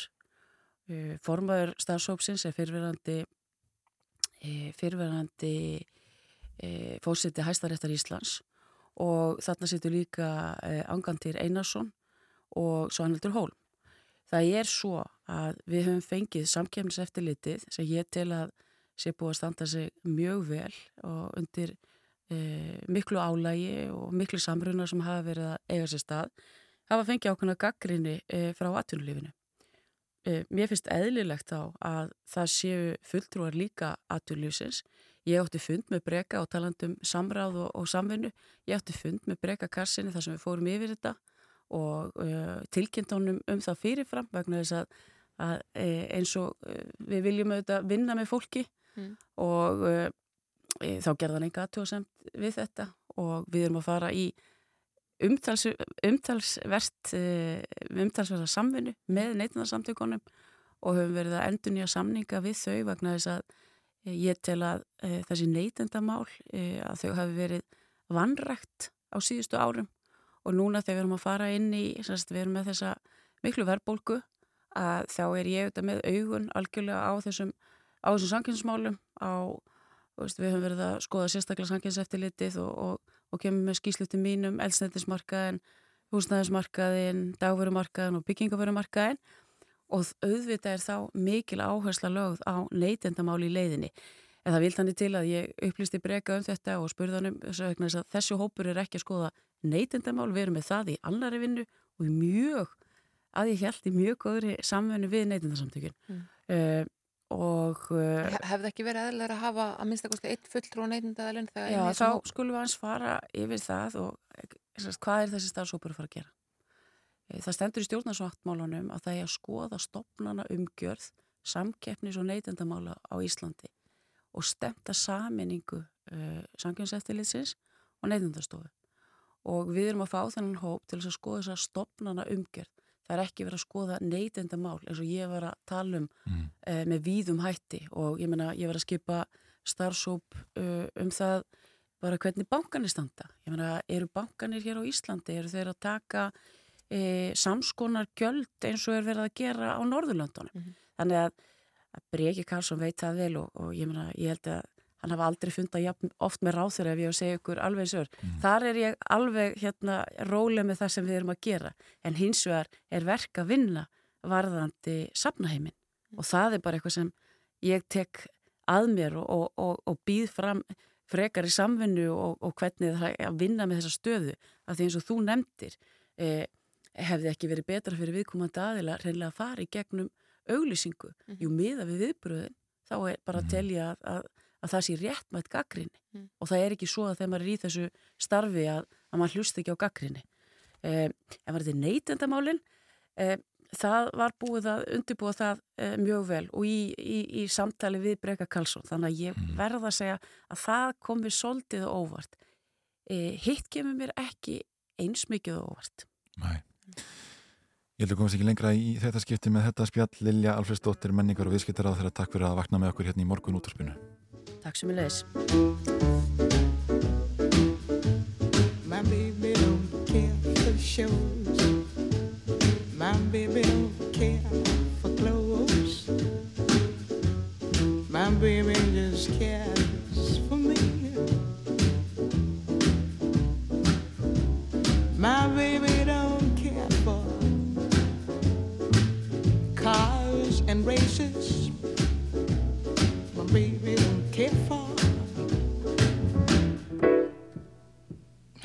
tone places. Liz Taylor is not a star high, and even Lana Turner smile. Something he can't see. My baby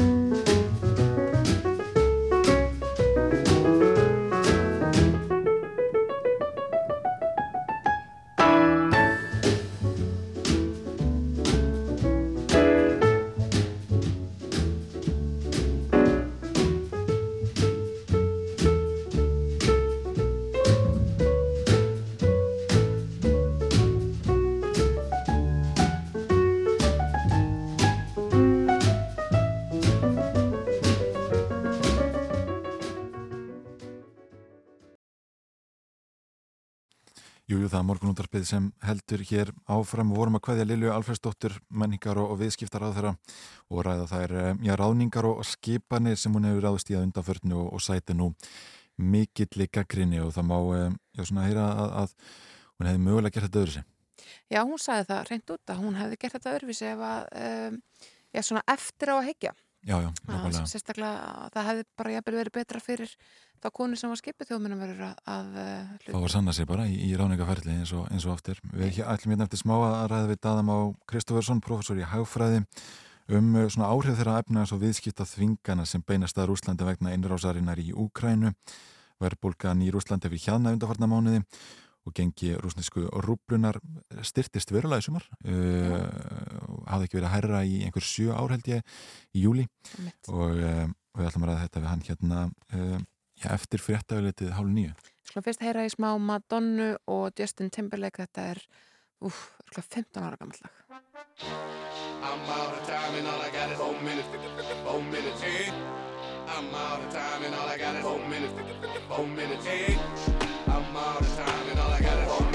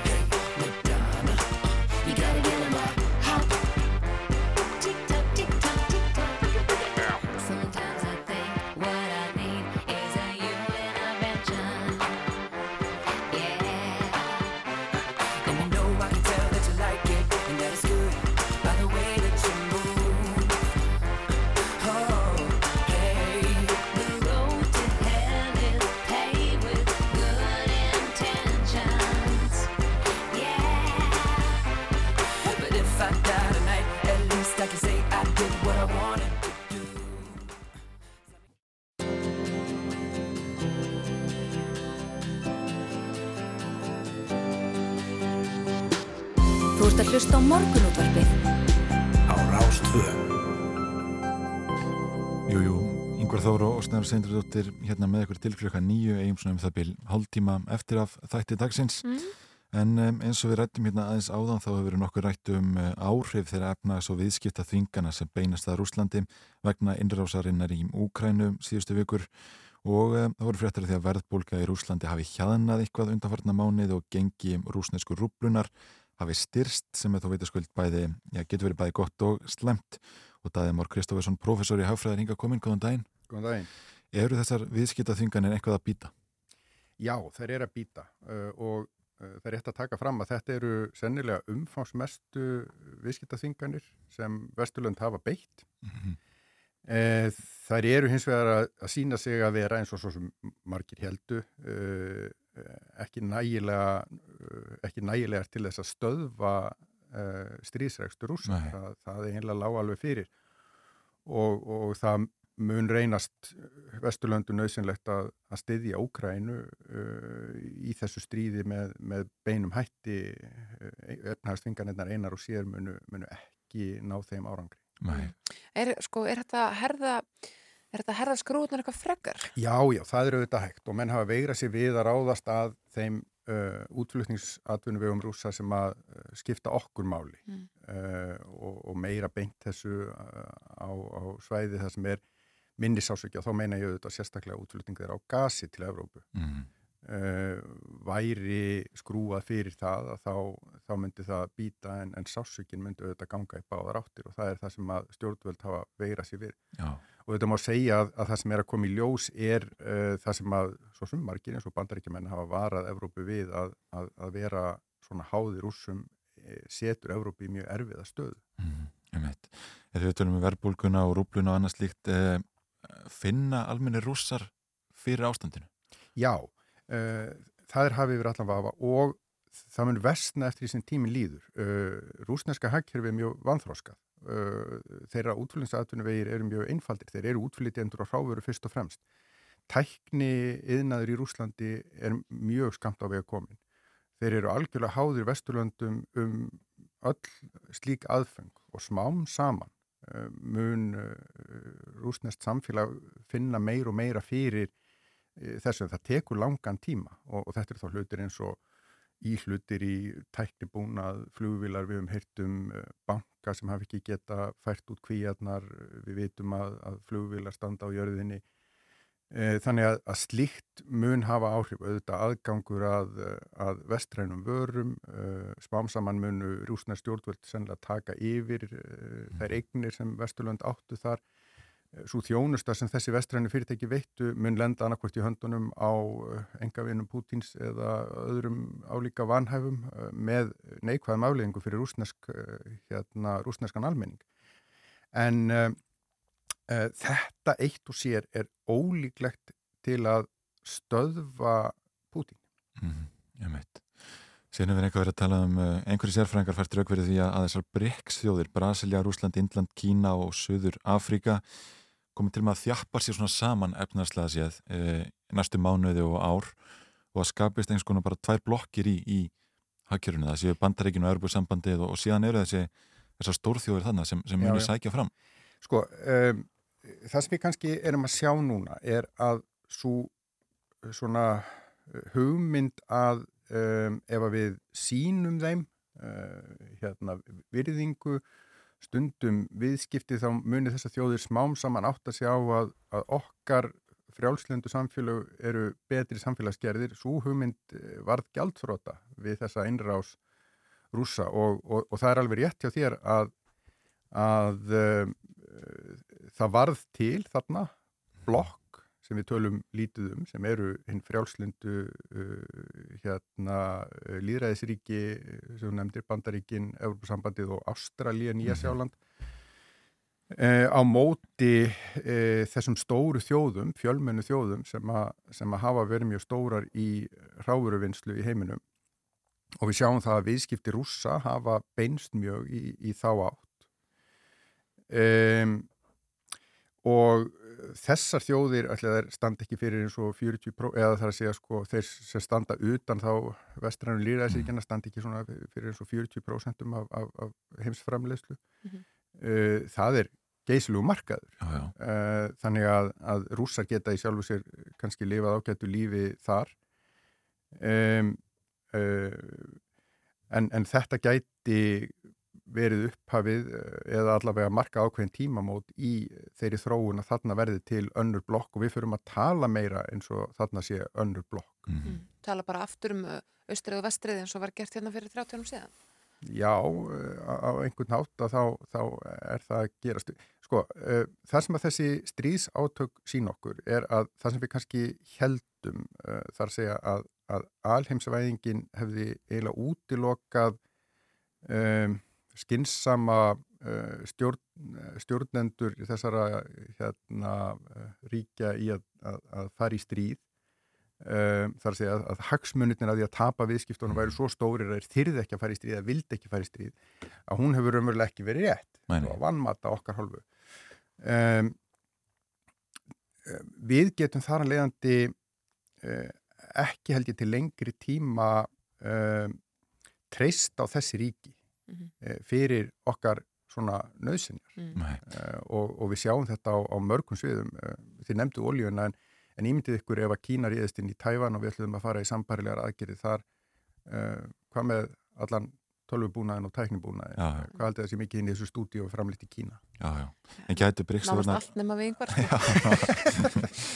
En, en gætu þess að þjóðir sko og einhverju á að tala um það að það getur verið með samílan gjaldmiðil jafnvel? Nei, ég það hef nú engin vænlegur trú á því og, og nei, uh, sko, Jésús Kristur ef að, ef að Evrópu þjóðuna getur ekki verið sammála um eitt gjaldmiðil sko, þá eru Brasilia, Rúsland og Kína ekki Það ekki er mjög Já, uh, Ég skal hundur heita að það er eitthvað að, að fara að gerast. Já, já, en gæti þess að viðskiptaþinganir enda að- á því að, að sko býta vesturveldin meira en rúsa sjálfa? Nei, það er alveg útlokað Mhm. uh, Rússar eru með mjög einhæft tækkerfi, við erum með mjög fjölbreytt tækkerfi Mhm. uh, og, og, og sumt þegar við horfum tilbaka eftir 10-15 ár gæti alls ekki litið út eins og neikvæði hlutir. Þetta mun flýta orkuskiptum og, Ríkisútvarpið hefur nú verið mjög duglegt að tala um uh, lofslagsbreytingar núna á Erum undarförnu. bara að það er hérna rétt á eftir mér Já, lagi. um, þetta verður sásökafullt ferli. Já. Við erum að taka það í gegn núna eða taka það á mjög stuttum tíma. Mhm. um, og uh, afleðingarnar til lengri tíma gætu jáfnvel bara verið uh, jákvæðar þó það séu mjög erfiðar núna. Emitt. Þetta er ágætt lokar daðim ár Kristófersson, professor í hagfræði við Háskóli Íslands. Takk fyrir að, að líta til okkar í morgunúttarpið. Alveg sjálfsagt.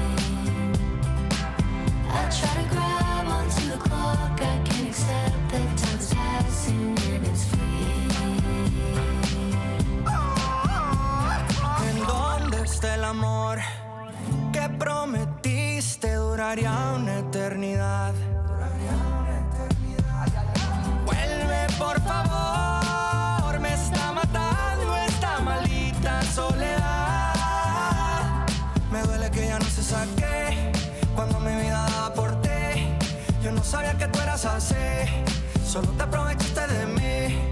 Me duele que te portes así. Mi vida no es la misma sin ti. Con unos tequilitas y weed, tendré que olvidarme de ti. Now I'm sitting in a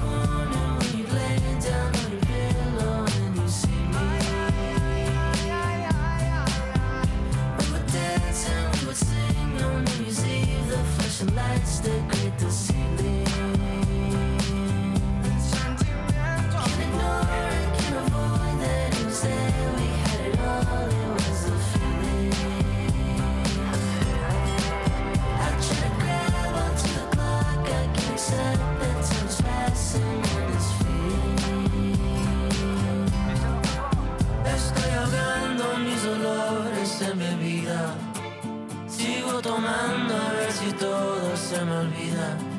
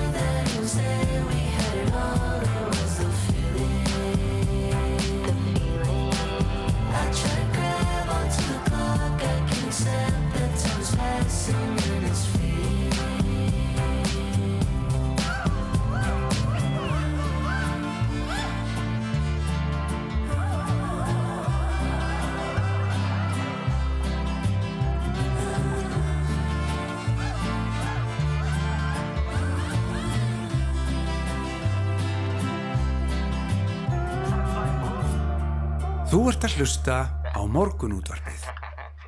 Jú, jú, og áfram heldum við hér í morgun útvarpinu uh, við lóðum því hér áðan í viðtalinu við hann Daðamá að við ætlum að ræða loftslags breytingar Já, já. og uh, við stöndum við það eins og alltaf þegar við lofum einhverju uh, því að nýjustur ansóknir á hópun Grænlandsjökuls bæta gráu ofan og svart við þá sviðsmynd sem að áður var talið að myndi rætast úr. Nú segja vísindamenn að bráðun jökulsins óhjákvæmilega að jafnvel hækka sjáarmálum 30 cm að öllum líkindum fyrir næstu aldamót. Hann er komin til okkar Andri Gunnarsson, formaður Jöklaransfélags Íslands, verður velkomin.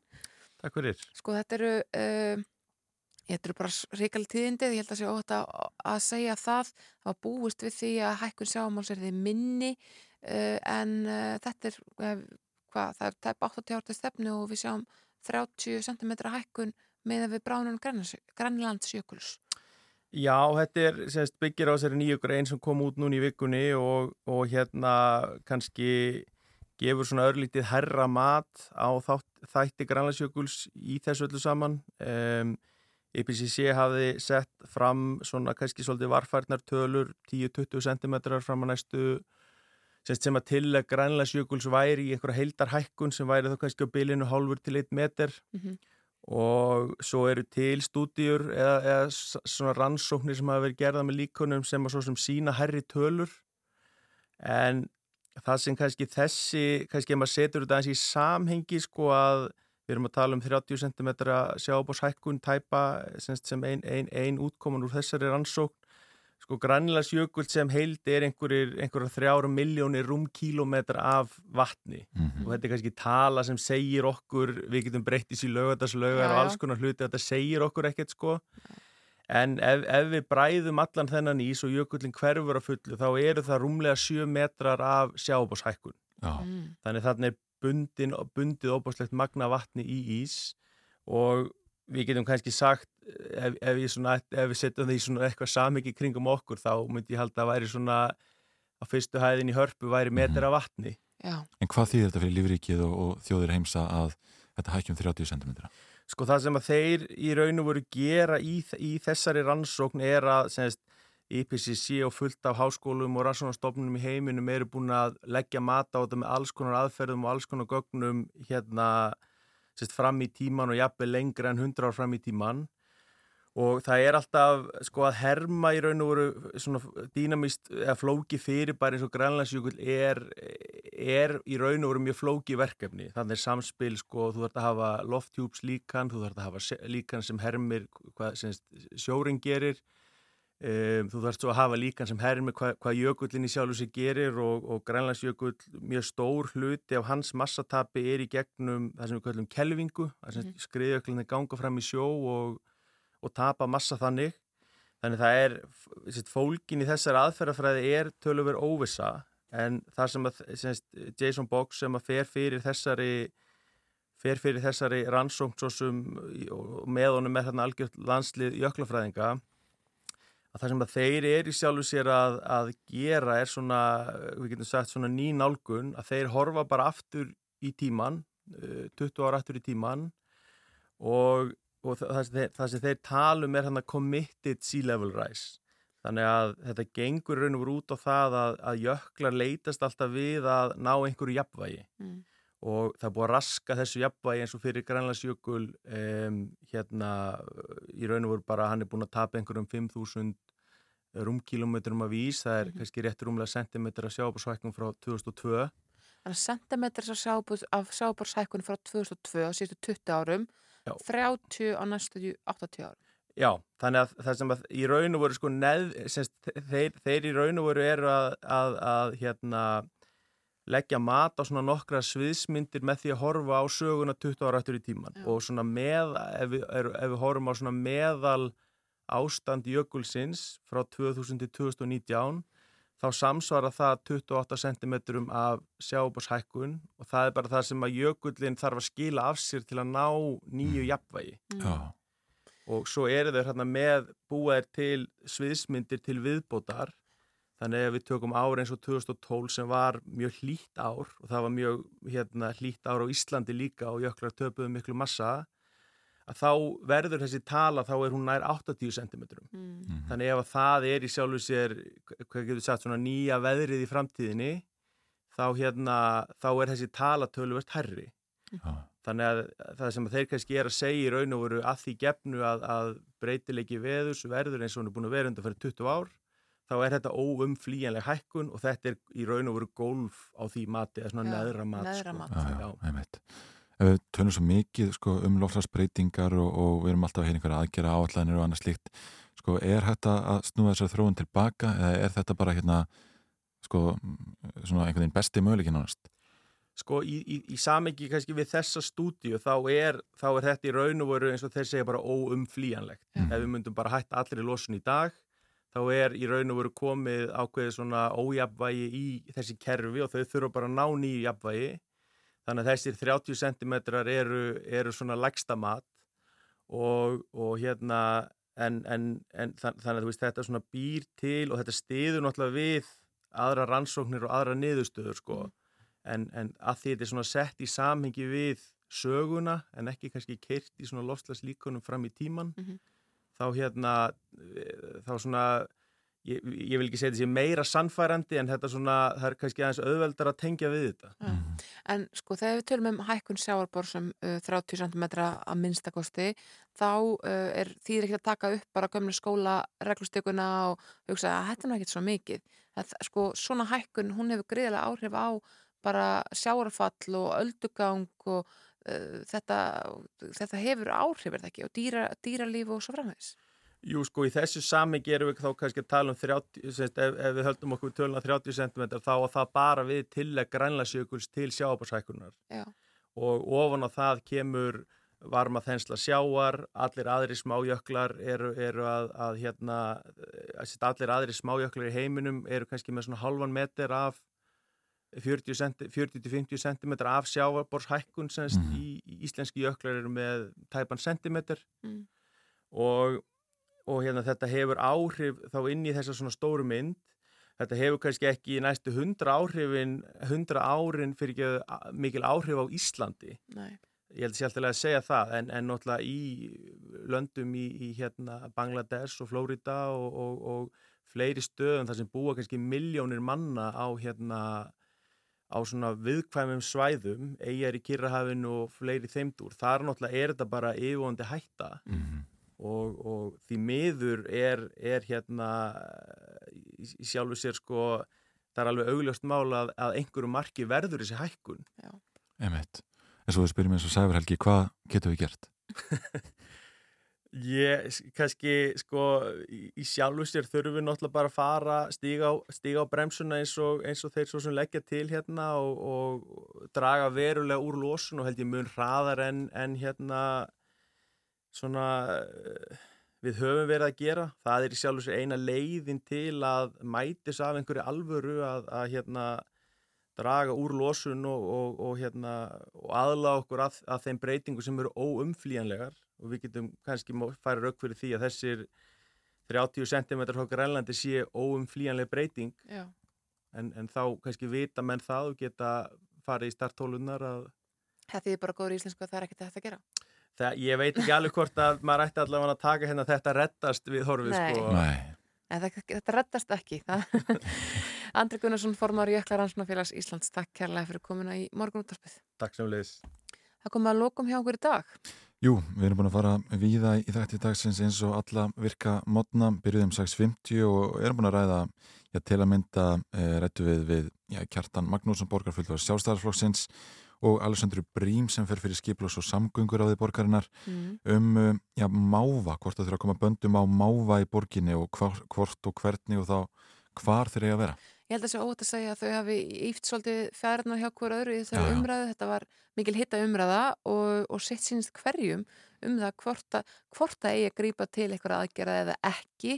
Kjartan talaði um möguleikan að skjóta að þeim, Já. fara í varpið, uh, fleira í þeim dúr. Já, já. Uh, Alessandra vildi freka fara þá leið að reyna bara að takmarka fæðið og ætuna sem þeir hafa með, Já, því að, með því að búa betur að sorpun okkar. Já, ég bendi á, á stefnu Reykjavíkuborgar um líffræðilegan fjölbreytileika sem á að gefa já, gefa öllum, öllum dýrum jöfn tækja frá að lifa góðu lífi Já, og hérna þá rættu það um rottur og þetta, Já, var, þetta var allt svolítið flókið. Rétt að mæla með þessu, þetta var hérna klukkan hálf átta. Við rættum líka uh, við uh, já, frangvæntistjóra félagstofnunar stúdenta við Háskóla Íslands um já, hvers vegna þau ætla ekki að frista leguverðið eins og Mhm. þau gera fyrir norðan. Já, þau hafa hreinlega ekki efnaði. Eða svo, það svo móra komast. Já, reykja á núli. Já, svo kom Lili Alfersdóttir menningar og viðskiptar á þeirra til okkar og uh, hún talaði aðeins um þessar ráðningar sem að hafa sætt mikill í gaggrinni, þar að segja skipun þjóðminja varðar uh, tilfarsla frá listasafni Íslands.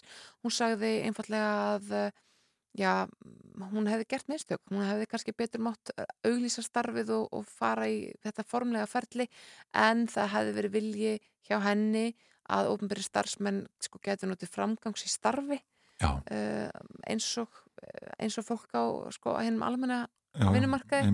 Uh, þannig að þetta væri auðvitað flókið mál. Hins vegar þá stæði það sjálfsögðu til að auglýsa stöðu sapstjóra listasaps Íslands Já, sem er annað, er eitt af þessum þreymur höfðusöfnum Íslands. Já, já, einmitt, við rættum líka aðeins eh, efnaðs- og viðskiptaþvinganir sem beinast að Rússlandi við Daðamá Kristófesson, professor í hagfræði og eh, já, þessar blokkir sem er að myndast í alþjóða hagkerfinu, það eru BRICS-þjóðunar, Brasilia, Rússland, Indland, Kína og Suður Afríka annars vegar og síðan Bandaríkin, Evropasambandið og Ástralía hins vegar að þetta sé svona já, mögulega nýr veruleiki að, að, að eh, já, þetta, þetta er svona tvískipt efnaðskjörið. Já, hann vildi meina að uh, já, þessar vestur, þjó, uh, vesturlanda þjóðir þær væru mun betur til þess fallnar að taka við þessum efnahagsþvingurum sem nú eru í gangi.